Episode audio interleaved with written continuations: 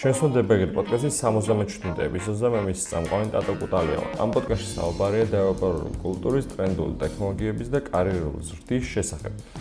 ჩვენს კარიერაში ერთხელ მაინც არის მომენტი, როდესაც მოგვიწევს ახალი პროექტის დაწყება, რომელიც ჩვენთვის სამუშაო იქნება და არა ჰობი პროექტი, რაღაც რომელიც შეიძლება კვირაში ერთხელ რაღაც ახალი დავიწყოთ.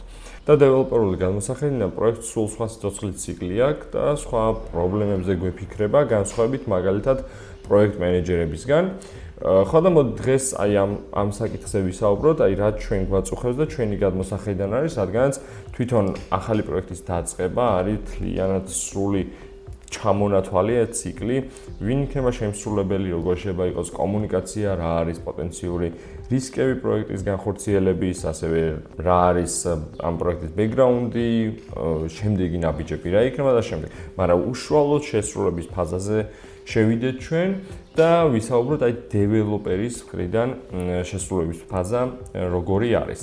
ძირითადად დეველოპერისთვის განკუთვნილი ეპიზოდია, მაგრამ თუ გუნდი იწყებს ახალ პროექტს, ამ რჩევებს დაემატება გუნდური სხვა პუნქტები, გუნდური თემები და პლუს კონკრეტულად იმ გუნდისთვის დამახასიათებელი პუნქტები უნდა იყოს, რადგან იმ გუნდის კულტურა უკვე ჩამოყალიბებული იქნება და შეიძლება ზოგადი რაღაცა რჩევი მათ ისე არ ერგებოდეთ, რადგანაც თვითონ უკვე გადაახალისეს და თავის თავზე მოირგეს ეს რჩევები.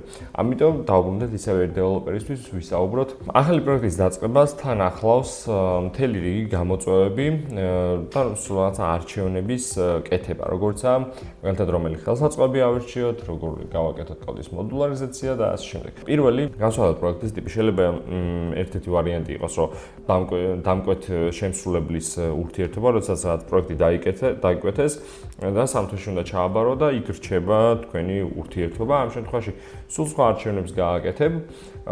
ასევე შეიძლება იყოს მეორე ვარიანტი, რომ ეს პროექტი დაასრულე, თუმცა შემდგომ მის შენარჩუნებაზე და მხარდაჭერაზე გიწევდეს ზრუნვა, რა დროსაც რაღაცებზე უფრო მეტად დაფიქრდები, იმიტომ რომ ნაკლებ ექსპერიმენტალური ხელსაწყოები შეიძლება გამოიყენო ამისთვის. კიდევ ერთი ვარიანტი არის, შესაძაც შენ მუშაობ იმ კომპანიაში, რომლისთვისაც ეს არის მისი შიდა პროდუქტი, ну, ან მისი მისი პროდუქტი არის და ამ კომპანიის შიგნით დარჩება და შენ მოგიწევს ამის დადეველოპერება პლუს შენარჩუნება და თუ საჭირო იქნება სხვა ადამიანებისთვისაც გადაბარება. ამიტომ თვითონ შემთხვევაში არის მცირე ცვლილებები შენს არჩევანში, რომელიც გადაწონის იქით ხარეს საითაც ეს პროექტი არის. მოდი უფრო დეტალურად რო ვისაუბროთ, დავიწყოთ ამ ხელსაწყოებზე ფიქრი. და რა არის ჩვენთვის ეს ხელსაწყოები? ეს ხელსაწყოები ძირითადად არის ჩვენთვის ბიბლიოთეკები, ან ისეთი რაღაცები, რომელიც დეველოპმენტის დროს საქმე უნდა გაგვიმარტივონ. გააჩნია პლატფორმა ხა Android პლატფორმაზე და iOS პლატფორმა მობილურ პლატფორმებზე ჩამოყალიბებული არის მეტნაკლებად რა ზონა იმუშავა, იმიტომ რომ იცი რომ Android Studio-ში ხარ, იცი რომ ემულატორს ხმარობ, იცი რომ კონკრეტულად იმ ხელსაწყოებს ხმარობ, რაც Android-მა მოგაწოდა, მაგრამ სრული თავისუფლება გაქვს და ძალიან ღია სამყარო არის. ბიბლიოთეკების მხრივ. ამიტომ ძირითადად აი ამ შემთხვევაში მოვისაზრებთ ბიბლიოთეკას. თუმცა ბიბლიოთეკები შეიძლება იყოს როგორც ექსპერიმენტული რაღაცა ალფა ვერსიები და იყოს უკვე კარგად დაგვინებული ინდუსტრიის სტანდარტად ჩამოყალიბებული ბიბლიოთეკები. გააჩნია პროექტი ას გვთავაზობს. თუ არის რომ ეს არის სამთვიანი პროექტი, სიტყვაზე თქვა სამთვიანი, გააკეთე და ჩააბარე და შემდგომ არც არავის ჭირდება მის სიმხარდაჭერა შესაძლოა შენ თავს მისცე უფლება რომ გამოიყენო ექსპერიმენტული ხელსაწყოები ან გამოიყენო ისეთი მიდგომები რომლითაც შენ თვითონვე ისწავლი აი ამ ახალ მიდგომებს მოსინჯავ და პლუს რაღაც დავალებას უფრო სწრაფად გააკეთებ რადგანაც ეს ექსპერიმენტული ხელსაწყოს სავარაუდოდ თავაზობს ამ ამოცანის უკეთეს გადაჭრის მეთოდს.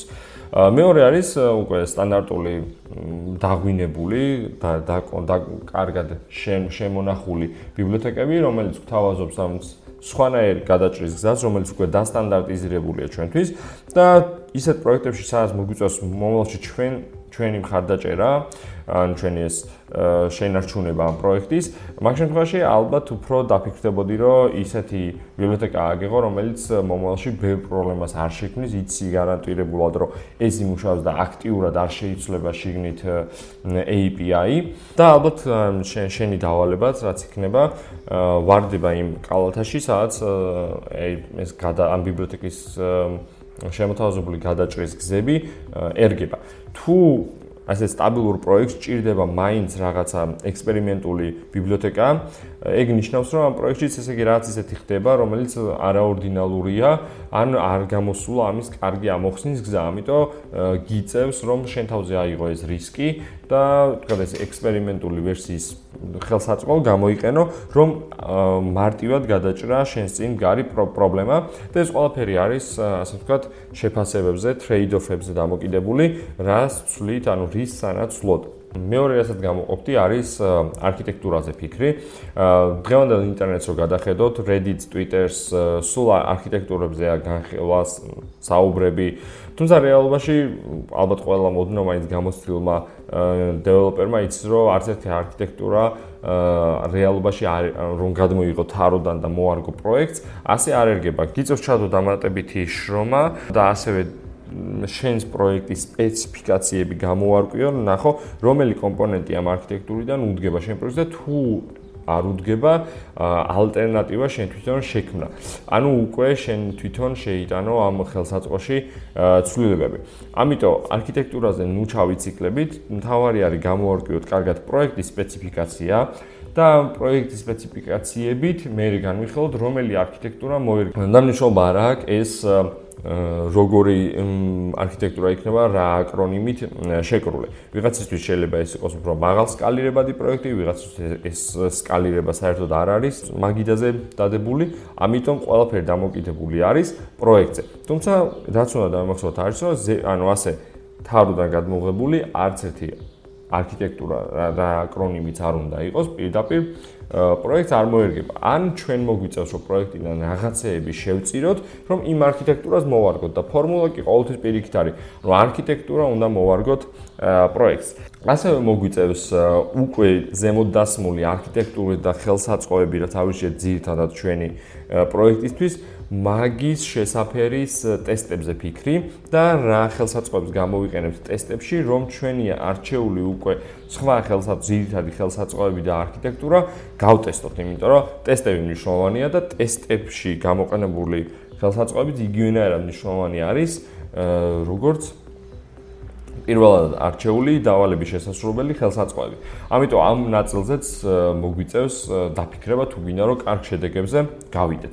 შემდეგი აქედან უკვე რომ გავგზელდეთ არის build-ისთვის, აი build pipeline-იან ჩვენს ლოკალურ კომპიუტერს გავცდეთ და გავაკეთოთ ასე ვთქვათ, ძალკე build server-ი, სადაც შეგვეძლება ტესტ დისტრიბუციების გავრცელება, სადაც შეგვეძლება მარკეტისთვის გამომზადოთ აპლიკაცია, ну ეს ალბათ შეიძლება ყველას არ დაჭირდეს და ვიღაცები ისე თავის კომპიუტერზე ამას build-ავდნენ და ისე დებდნენ მარკეტზე, თუმცა მეორე ალტერნატივა არის, როდესაც გაქვს CI/CD გარემო და აი თუ CI/CD გარემო გვექნება, მოგვიწევს იმაზე ფიქრიც, კონკრეტულად ამ პროექტისთვის რაიმე სპეციფიური ხო არ არის საჭირო, როგორ შეიძლება რომ ჩვენი ეს ხელსაწყოები გამოყენებული იქნეს CI/CD-ზე, მაგალითად თუ ჩვენ გვაქვს რაღაცა ლინტერი დაყენებული, ისეთი ტასკი როგორ გავაკეთოთ, რომ CI/CD-ზე, ჩვენ pipeline-ში ავტომატურად გაეშვას ეს ლინტერი სხვა ყველაფერთან ერთად.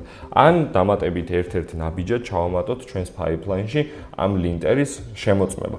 და ალბათ ბოლო ეტაპი რაც იქნებოდა, აი ეს არის მონიტორინგი და დებაგინგისთვის რა ხელსაწყოებს ავიჩევთ. აი მაგალითად mobile სამყაროში სტანდარტად არის Firebase Crashlytics-ი და ასევე დაანცნობილი არის Bugsnag-ი, ასევე რა თქმა უნდა Sentry-ც და კიდევ არის სხვა crash reporting tool-ები, რომელიც მნიშვნელოვანი არის ჩვენი პროექტის კეთილდღეობისთვის, რომ და ამასთან მოყვება რაღაც მონიტორინგის ხელსაწყოები, თქვათ, რა არის საშუალო დრო, რაც ჩვენს აპლიკაციას ჭირდება network-დან პასუხის წამოსაღებად, რა აპლიკაციის ჩართვას რა დოჭირდება და ესეთი მონიტორინგის ხელსაწყოები. ამიტომ ამ ორი საშუალების მონიტორინგი და დებაგინგისთვის რა ხელსაწყოს ავირჩევთ, საბოლოო ჯამში პროექტისთვის მნიშვნელოვანია. შეიძლება საწყის ეტაპზე არა, როდესაც აქტიური დეველოპმენტი ხდება, მაგრამ მომავალში, როდესაც ეს უკვე გაეშვება მაგის მონიტორინგისთვის, მნიშვნელოვანია. და კიდევ ეს დამოკიდებულია იმაზე, ნუ როგორი პროექტი არის.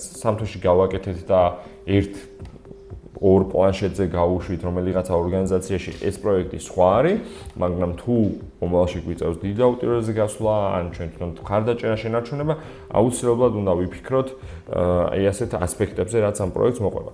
ეს შემოთვლილი რამოდენიმე რჩევა საკმარისი არის, რომ დაფაროს ძირითადი ქვაკუთხედები ახალი პროექტის დაწყებისას რა რა გამოწვევებიც ხდება დეველოპერებს, თუმცა რა თქმა უნდა არ არის სრული, იმიტომ არ არის სრული, რომ თვითონ პროექტის სპეციფიკაცია ძალიან განსხვავებულია და შეიძლება უცებ ისეთ რაღაცაზე ჩამორცაბარი, რომელიც ეგ მიმართულება საერთოდ კარგად გამოკვლეულიც არ იყოს, იგივენაირად ან მაგალითად Android უშუალოდ Android პლატფორმაზე პროცესებს შორის კომუნიკაციის პროტოკოლი, ან Bluetooth-ის პროტოკოლის დამუშავება, არის არის რაღაცა პროექტული კონკრეტული მოთხოვნები, რასაც სულ სხვანაირად მორგება ჭირდება, იმიტომ რომ იქ იმ ხელსაწყოებს ემალთ ემულატორში ვერ ვერ დატესტავ რაღაცას მარტივად, ამიტომ ჭირდება თლიანად სატესტო დივაისებით აწყობილი რაღაცა ფერმა, რომელშიც ავტომატიზაციას დაგჭირდება და ალბათ მაგაზე ფიქრით შენ მოგიწევს, იმიტომ რომ მაგისთვის კარგი გამზადებული სოლუშენები მასიურად არდევს მარკეტზე და ბევრი დიდ ორგანიზაციას აქვს თავისთვის გამზადებული და თუ ეგეთ ტიპის დავალებასთან მოხდები, სავარაუდოდ შენც მოგიწევს ამაში ხელის გასვრა.